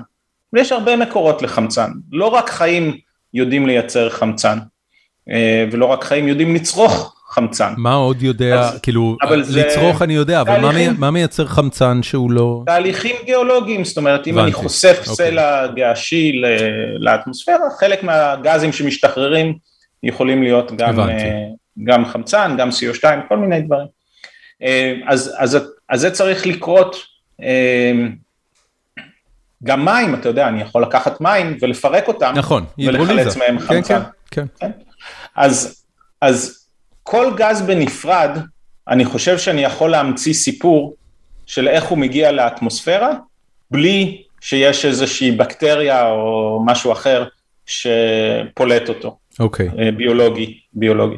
אבל אני חושב שמה שהכי אני אמצא משכנע, זה אם אני אמצא קומבינציה של גזים כזאת, שככה הצירוף מקרים צריך להיות באמת באמת יוצא דופן, שגם יש מים שנתנו לי חמצן, וגם יש איזשהו תהליך כימי שמפרק אה, פחמימנים כדי לייצר מולקולות קטנות של נגיד מתאן או אתן, כל מיני תהליכים כימיים שכולם ביחד איכשהו מצליחים לייצר בדיוק את ההרכב הכימי של האטמוספירה שחיים מצליחים לייצר, אני חושב שזה יהיה די משכנע, או הכי משכנע שאני יכול לדמיין עכשיו, שזה באמת חיים. אני רוצה להזכיר לך שבסך הכל חיים, אנחנו גם מכונה כימית. זאת אומרת, כן. בסך הכל כל הגזים כן. שאנחנו יודעים לייצר, כל החומרים שאנחנו יודעים לייצר, זה גם על ידי כימיה. זאת אומרת שאם הטבע היה רוצה להיות ממש ערמומי ולרמות אותנו, הוא היה יכול לעשות את אותם תהליכים כימיים שאנחנו עושים בגוף שלנו ולייצר את אותה, את אותה, אז אבל הטבע לא כזה אינטליגנטי, הוא, אז יכול להיות שהוא לא ינסה לרמות אותנו, ואם נמצא את, אותם, את אותה קומבינציה של גזים, אז אני חושב שרוב הסיכויים זה שזה באמת חי. כן, אוקיי, מאוד מעניין, מאוד מרגש. אה, כן. האם הדבר הזה, אתה יודע, אני מסתכל על ההד התקשורתי של, אה, של אה, התמונות של ג'יימס ווב, ובסופו של דבר אני גם מכיר בזה שהרבה מאוד ממחקר אקדמי הוא פונקציה של פוליטיקה. ואתה אתה יודע, תמונות כאלה יש בכוחן. לעורר השראה והתלהבות אצל אנשים, כדי שגם פילנטרופים יזרימו כסף למחקרים כאלה וגם ממשלות יזרימו כסף למחקרים כאלה. אתה חושב שמדובר במשהו מכזה סדר גודל, שזה נקודה, נקרא לזה משנת נתיב במחקר, במחקר גרמי השמיים? זו שאלה מעניינת, לא כל כך חשבתי עליה. אני חושב שאתה צודק שזה מרגש, ואני חושב, חושב שאתה צודק שזה, אני חושב שאין ספק שזה יוביל, זה שזה מצליח ובאמת לא רק מצליח מדעית, אלא מצליח גם לרגש את הקהל הרחב ולקבל כזה הד תקשורתי, לדעתי אין ספק ש, שזה יוביל לעוד דברים טובים, ובוא נגיד, אני יכול אולי על דרך השלילה, אם זה היה נכשל, מן הסתם היה יותר אה, הססנות לגבי לנסות את זה, להוציא כל כך הרבה כסף שוב, ובטח אה, זה היה מקשה. אז אני חושב שההצלחות של JWST הן בהחלט ההצלחות של התוכנית, ולכן יובילו לדברים טובים. אוקיי. Okay. טוב, אמ, תקשיב, יש, אמ, יש לפודקאסט הזה פורום, אה, המכונה פורום החיים עצמם של גיקונומי, ובו אני מפרסם אה, מבעוד מועד מי הולך להיות האורח בפרק, ומציע לקהל לשאול שאלות.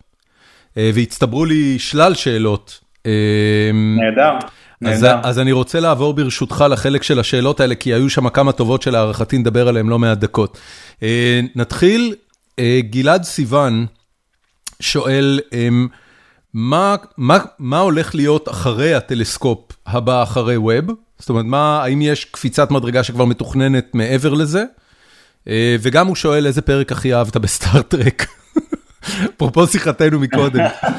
אמ, אבל בוא נתחיל, האם יש כבר משהו אחרי ג'יימס ווב, או שזה הולך להעסיק אותנו עכשיו תקופה?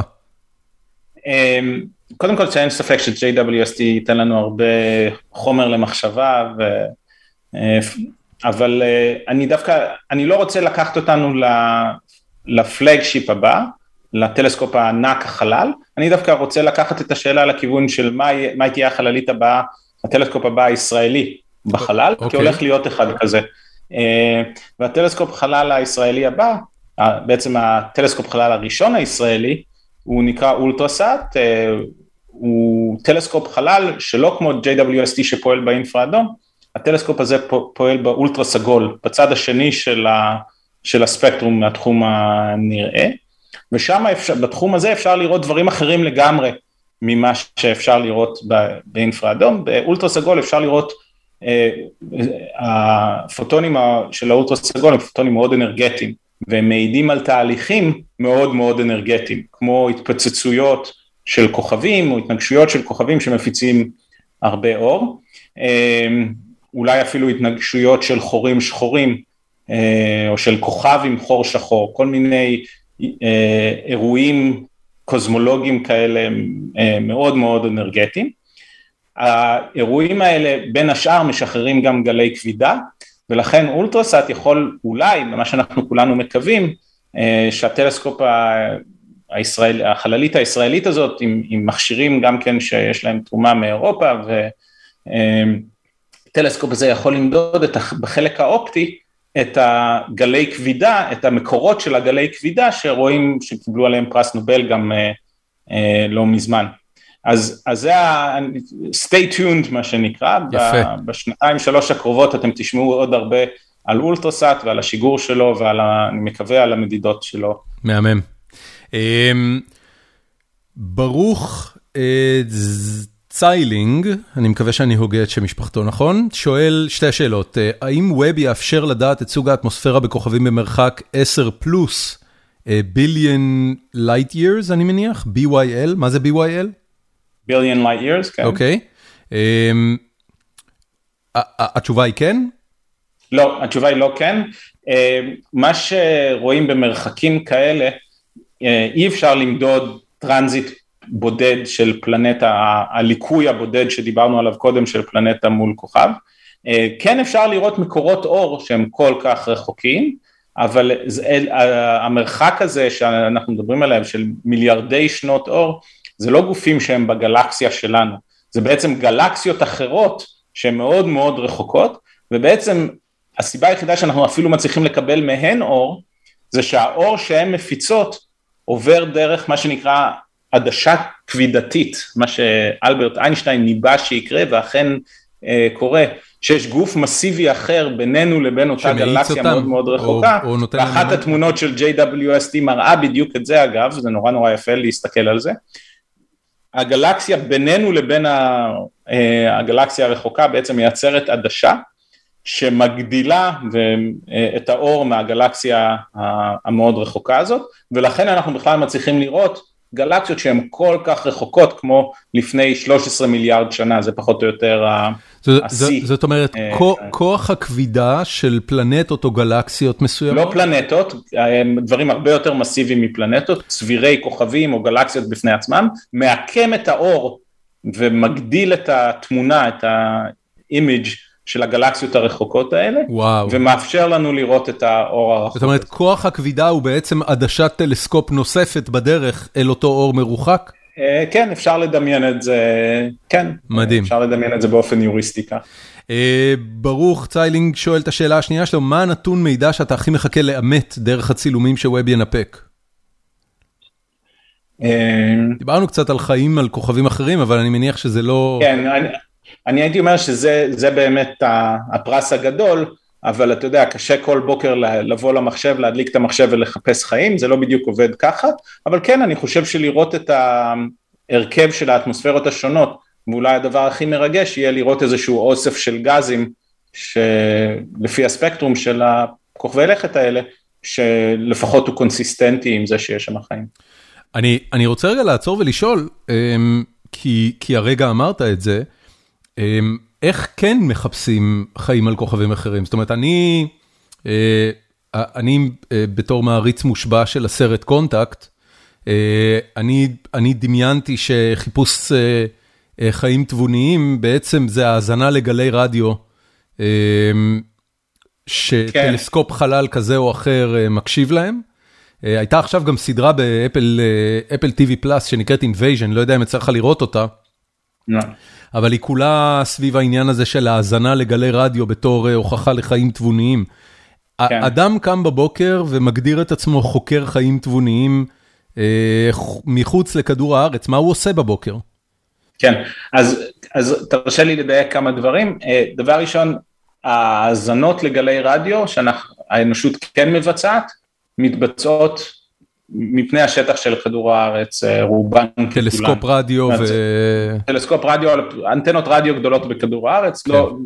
בינתיים לא כל כך מחוץ לכדור הארץ. אוקיי. אה, דבר שני, אה, אני מכיר הרבה מדענים חוקרים, מדענים פלנטריים, אפילו אנשים שאני חושב מגדירים את עצמם שהם מחפשים חיים ביקום, אף אחד שאני מכיר לא עושה את זה, את מה שאמרנו הרגע. למה אני מדגיש את זה?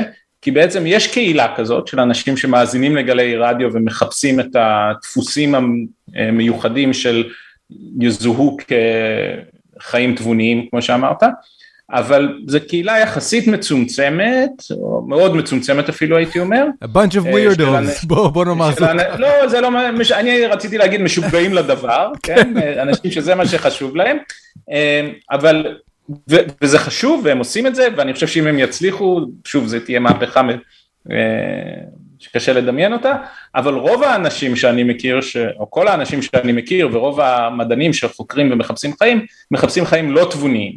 ואז עכשיו אני אחזור לשאלה המקורית שלך של איך עושים את זה, אז דרך אחת כבר דיברנו, כן. על ידי להסתכל על הספקטרומים של האטמוספירה, אבל יש עוד כל מיני דרכים.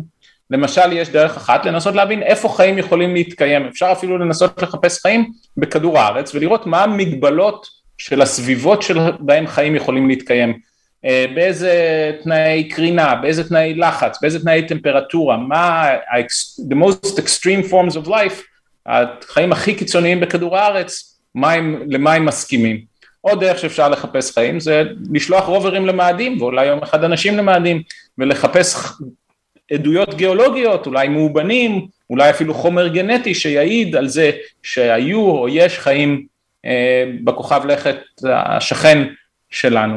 אז, אז זה עוד דרך אה, לעשות את זה, יש כל מיני דרכים והייתי אולי אומר התחום הזה יש לו שם שנקרא אסטרוביולוגיה, יש לו הרבה דרכים ש, שאנשים מנסים ליישם. אם, אם כבר העלינו את מאדים, אה, איפה, איפה אתה ואיפה הקהילה המדעית ביחס ל, אה, לשאיפה אילון מאסקית ליישב את מאדים אה, עוד בתקופת חיינו, או, או קרוב לסוף תקופת חי, חייו?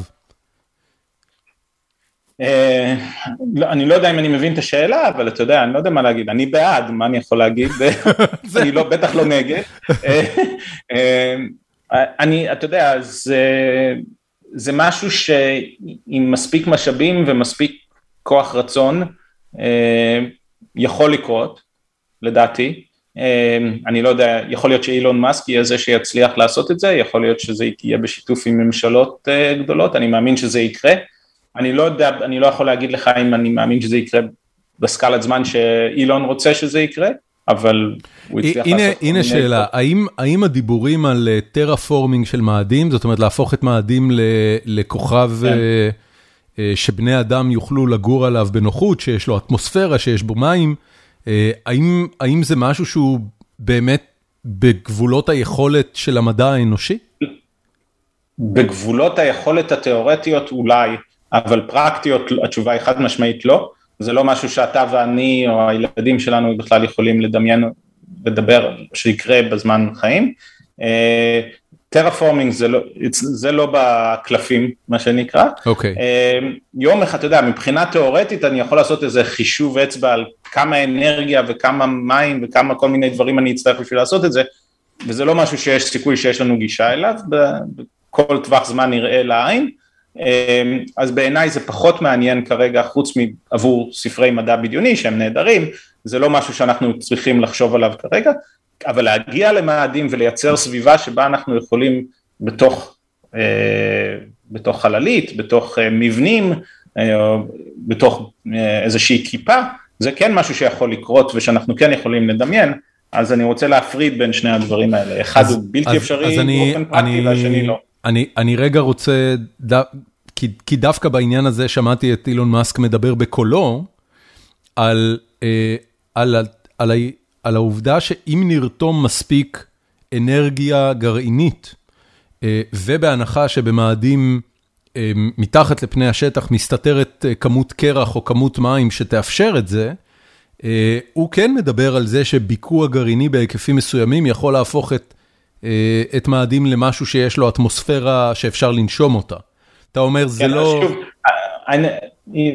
אילון מאסק הוא בחור מוצלח, אני לא רוצה to pick a fight, אבל אני לא, I wouldn't hold my breath, אני, זה לא, זה לא משהו שאני רואה. אה, אוקיי, טוב. אמ, אז אלירן קירשנבאום הציע שנשאל אותך על פרויקט אולטרסאט של מכון ויצמן. כן, אז הזכרתי את זה. ואכן נזכרת, אמ, וזה מקסים ומרגש. אה, הדבר הזה אגב נעשה ביחד עם אקדמיות נוספות, או שזה מכון ויצמן על מלא? אה, לא, לא, זה לגמרי בשיתוף גם עם אוניברסיטאות אחרות בארץ וגם עם גופים אחרים אה, בחו"ל, מכון ויצמן מוביל את זה, אבל זה, יש לנו שותפים מכל האוניברסיטאות, או חלק גדול מהאוניברסיטאות בארץ ומ...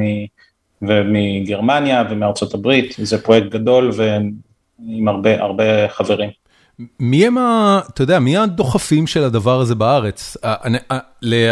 הברית במשך שנים קרל סייגן היה כאילו הדובר הכי רהוט ומפורסם של, של אסטרופיזיקה ושל היקום. היום כן. זה, מה שמו? שירש ממנו את קוסמוס. ניל דה גראס טייסון. ניל דה גראס טייסון. שגם מייעץ לבית הלבן, וניל דה גראס טייסון, רק שתדע, פה בארצות הברית הוא אה, הוא עושה הופעות כמו כוכב רוק, זאת אומרת, אה, an evening with ניל דה גראס טייסון, זה משהו שאתה קונה לו כרטיסים ב-100 דולר לכרטיס. תראה, אני עשיתי הופעה עם שלמה גרוניך בארץ, גם בארץ יש לזה... אני מקווה שהוא לא העליב אותך. אמ, לא, הוא לא העליב אותי, הוא היה מאוד סימפטי, אנחנו, הוא היה מגיע אליי הביתה והיינו מתאמנים, עשינו הופעה משותפת שבה הוא שר שירים על הכוכבים ואני דיברתי. מקסים. אה, איתו. אוי, נהדר. עשינו את זה בפסטיבל הפסנתר. איזה יופי. וגם בזאפה פעם אחת. כן, כן. אתה יודע, עכשיו כשאני חושב על זה, אני זוכר שכשהייתי צעיר יותר, אז פרופסור מריו ליביו מהטכניון היה יחסית מפורסם בעניין הזה, אפילו ברמה של אה, תוכנית טלוויזיה, אבל היום יש מישהו שהוא כאילו הסלב של תעשיית החלל הישראלית? של אקדמיית החלל הישראלית? אני לא, אני לא מכיר. טוב, תום אלון שואל, מאיפה הכסף לפרויקטי חלל? פעם תקצבו את זה עבור קרבות אגו למלחמה הקרה, אבל מה התמריצים בימינו למימון הדברים האלה? אז כן, שאלה מצוינת, תום. אני חושב שאתה צודק לגמרי שבטח ההגעה של אנשים לירח הייתה תלויה אה, במלחמה הקרה ונבעה בעצם מהרצון של ארה"ב להוכיח עליונות.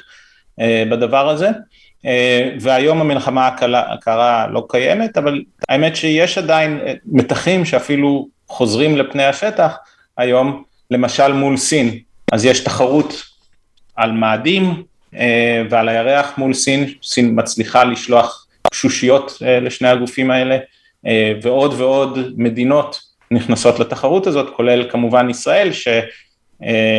אני הייתי מדען המשימה של בראשית, שכמעט והצלחנו לנחות על הירח בניסיון ההוא, אבל לא הצלחנו. הצלחתם לנחות, לא בחתיכה אחת. אני מקווה שתהיה בראשית שתיים, אה, שננסה שוב, הפרויקט הזה כבר יצא לדרך. אז, אז יש עדיין מין תחרות בינלאומית על להגיע לירח שוב ולמאדים.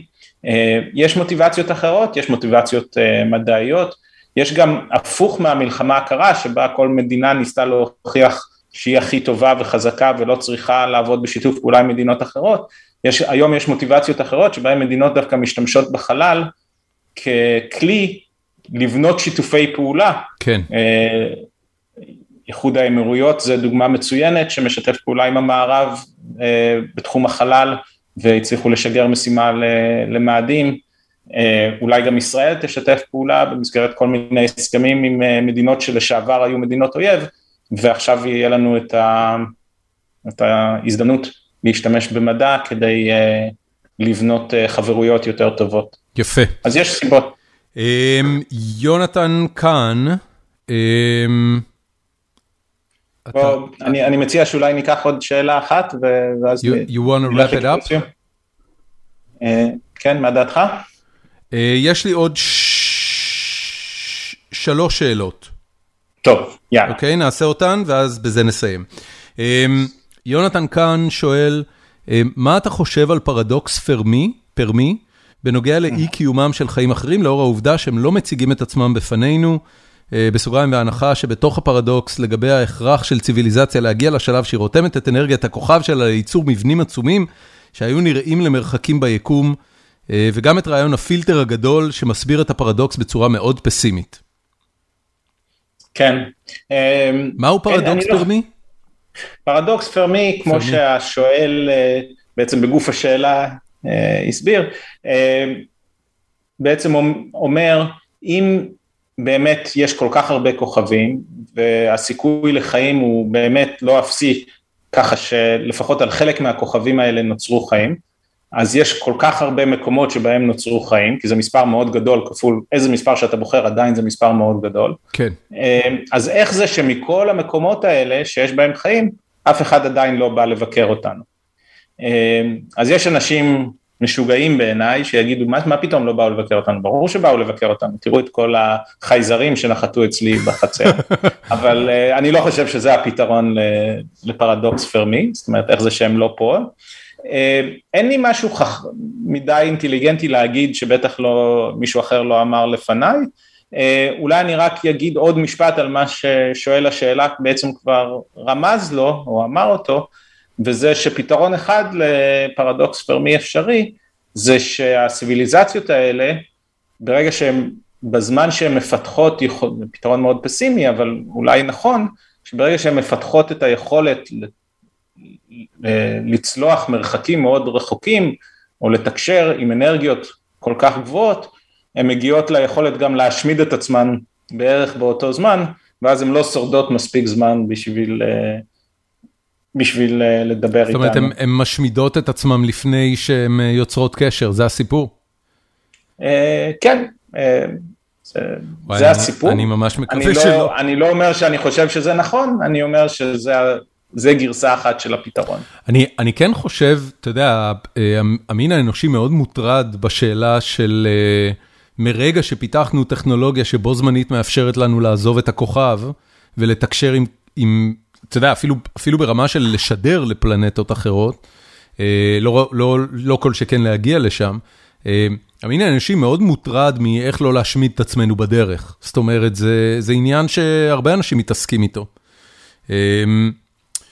שאלה אחרונה, האם יש אתר חדשות אסטרונומיות שאתה יכול להמליץ עליו? אה וואי, איזה יופי של שאלה.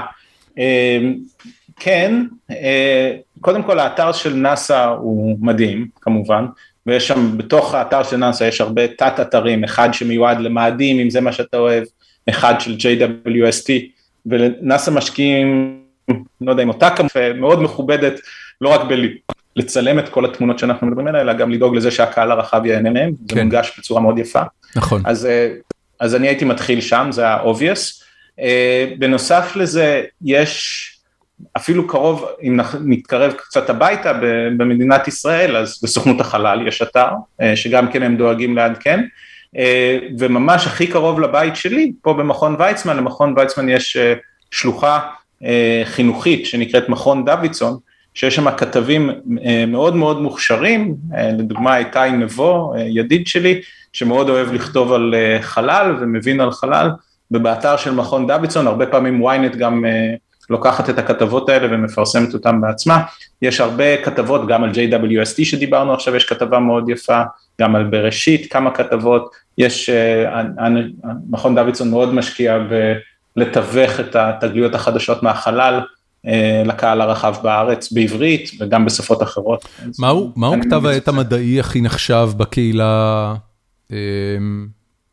הפלנטרית? שני כתבי, כן, שני כתבי העת אולי המובילים בכל המדעים זה Science ו-Nature, כן. וגם באסטרונומיה ומדעים פלנטריים, הייתי אומר שאם אתה מצליח לפרסם את המאמרים שלך ב-Science ו-Nature, אז כנראה שהקריירה שלך תהיה מוצלחת. יפה. כן.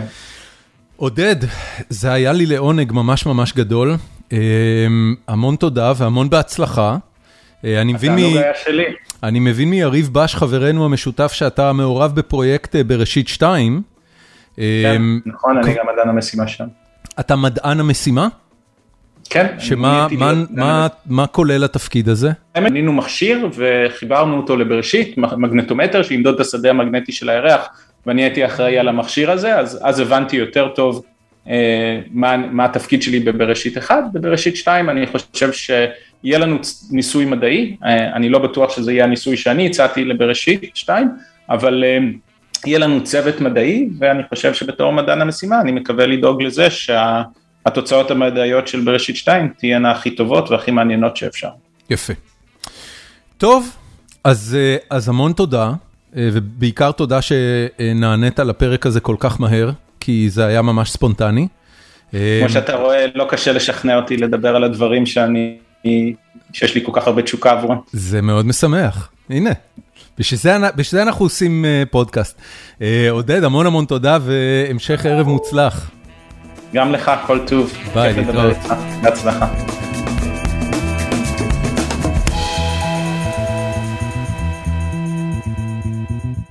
עד כאן הפרק. כמה מגניב זה היה ואיזה תותח עודד שיודע את כל הדברים האלה. ואיזה מזל שיש מכון ויצמן ואיזה מזל שיש אקדמיה, אני לא יודע, במהלך הפרק התמלאתי באופוריה מאוד משונה, אופוריה משונה, שלא הייתה לי כשקמתי בבוקר והתחלתי את הפרק. בין היתר כי כשאתה מתעסק בדברים כל כך גדולים כמו פלנטות והחלל החיצון, הרבה מהרעשים של חיי היומיום נעלמים, או לפחות נראים הרבה פחות משמעותיים. קטע אגב במהלך הפרק שדיברנו עליו שנקרא Pale Blue Dot של קארל סייגן, זה טקסט שבדיוק מדבר על זה שממרחק כל כך גדול כדור הארץ נראה כמו נקודה כחולה חיוורת שתלויה לה בחלל וכל ההבדלים וחילוקי הדעות והדברים שעליהם בני אדם רבים אחד עם השני בלי סוף, לא נראים מהחלל. ו, וזה מייצר תחושה מאוד נעימה שבעצם כולנו אחים וכולנו, גם בעלי החיים וגם בני האדם שותפים לגורל המשותף שלנו על הכדור הזה. את החפירה שלי היום אני, אני רוצה להקדיש לג'ון סטיוארט. ג'ון סטיוארט הוא מנחה טלוויזיה וקומיקאי, שבתקופה מסוימת, בתחילת שנות האלפיים, היה לו את תוכנית החדשות מספר אחת בארצות הברית, וזה לא היה משדר חדשות סטנדרטי, זה היה תוכנית שנקרא The Daily Show with John Stewart, אבל בפועל זו הייתה מהדורת חדשות הומוריסטית, שלוקחת זווית מאוד סרקסטית ומנתחת את האירועים החדשותיים בצורה ביקורתית, אינטליגנטית והומוריסטית, וכל זה בו זמנית. זאת הייתה תוכנית מופת שצמחו בה כמה מהטאלנטים הכי גדולים של תעשיית הטלוויזיה והקולנוע האמריקאית, סטיב קרל, שלימים עשה את המשרד ועוד המון דברים מדהימים אחרים, גדל שם. וכמובן גם Last Week Tonight with John Oliver, ג'ון אוליבר גדל ב-Today Show, ולאחר מכן הלך לעשות את התוכניות שלו. אז אותו ג'ון סטיוארט, שהוא בן אדם עם מודעות פוליטית מאוד גבוהה, ונחשב לאחד האמריקאים הדמוקרטים, ליברליים, שמאלנים, מה שנקרא בארצות הברית, ואולי גם בשאר העולם, הכי מפורסמים שיש, זכה שבוע בפרס שנקרא The Mark Twain Award for American Comedy.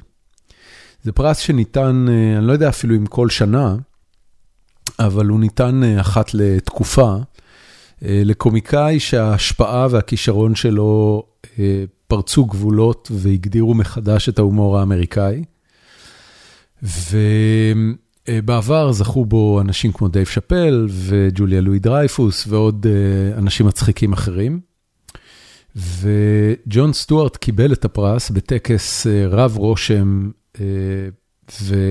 ועניבות פפיון וטוקסידואים וכל זה ב-JFK Center בניו יורק, טקס באמת, באמת מאוד מאוד יפה ומרשים. קודם כל, זה, זה מגניב ברמות שקשה לתאר, שבארצות הברית נותנים פרס לאדם מצחיק על היותו אדם מצחיק בצורה שמאתגרת אותנו, מעוררת אצלנו מחשבה. זה פשוט דבר מגניב. אני, אני, ככל שאני חושב על זה יותר, אני יותר uh, מאוהב ברעיון שהומור, שהוא uh, אולי אחת הדרגות הגבוהות ביותר של חופש ביטוי, uh, כל סטנדאפיסט יגיד לך שהעניין הזה של להריץ בדיחות, uh, תמיד הם על חשבון מישהו, גם אם המישהו הזה זה אתה, uh, ותמיד זה קצת עסק מסוכן, שאתה לא יודע איך, איך הוא ייגמר.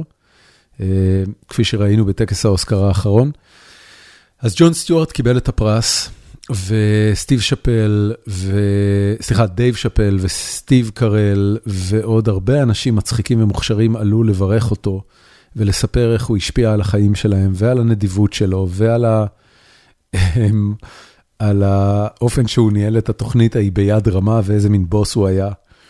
ודייב שאפל דיבר ארוכות על איך הוא תמך בו ועל כמה הוא מוכשר ועל כמה הוא צנוע וחרוץ. ו, וזה היה טקס נהדר, אני לא אעשה יותר מדי ספוילרים, אני רק אגיד, לכו, לכו לראות, אני אשים ב, בלינקים לפרק, אני אשים קישורים לקטעים שבהם האנשים האלה דיברו עליו. ואז בסוף הטקס, כפי שקורה בטקס הזה, עולה מקבל הפרס ונושא את הנאום שלו. ובנאום שלו, ג'ון סטיוארט דיבר קצת על אימא שלו, ועל איך היא בעצם הייתה אם חד-הורית, ואבא שלהם עזב באיזושהי נקודה, והיא הייתה צריכה לגדל אותם, ואיך היא אף פעם לא סמכה על אף אחד, ו, וקרעה את התחת כדי שיהיה להם חיים טובים, וכמה הוא חייב לה על זה, והוא דיבר על המשפחה שלו ועל הילדים שלו, וכמה הוא גאה בהם ואוהב, בהם, ואוהב אותם. ואז ממש לקראת הסוף, הוא הזכיר לכל היושבים באולם, שעם כמה שאנחנו אוהבים להתעסק בשטויות, כמו הסתירה של וויל סמית לקריס רוק, הסיפור האמיתי במה שקשור להומור, והסיפור האמיתי במה שקשור לביקורת ציבורית, שהרבה פעמים סטנדאפיסטים והומור משתמשים בזה כחומר להומור שלהם, זה ביקורת על השלטון. זה ביקורת על האנשים שבסופו של דבר מנהלים את חיינו. הם מקבלים את המיסים שלנו, הם נבחרים שנה אחרי שנה כדי לנהל אותם. הם מחוקקים את החוקים, הם מפעילים את המשטרה, הם בוחרים לאן יזרום הכסף. הם לא חפים משגיאות, הם לא אלוהים, הם לא משיח בשר ודם, הם סתם בני אדם, וכמה חשוב להמשיך בכל רגע נתון להעביר עליהם ביקורת ולצחוק עליהם, ולחשוף את האיוולת והרוע והצרות עין והטמטום בעשייה של כל האנשים החזקים שמשפיעים על החיים. וזה היה מסר נהדר, והוא העביר את זה כמובן בכל הרגש שג'ון סטיוארט יודע להעביר אייטמים, וזה פשוט היה נפלא. אני לא ראיתי את הטקס בזמן אמת, ראיתי רק את הקליפים אחרי זה בפייסבוק, אבל, אבל ראיתי את זה שלוש וארבע פעמים, ו, ואני מכיר את ג'ון סטיוארט הרבה שנים, בשנים שהוא היה עם התוכנית היומית שלו, אז גם קצת חייתי בארצות הברית באותה תקופה, אבל, אבל בעיקר צרכתי אותו איך שרק היה אפשר לצרוך אותו, שזה בדרך כלל באינטרנט.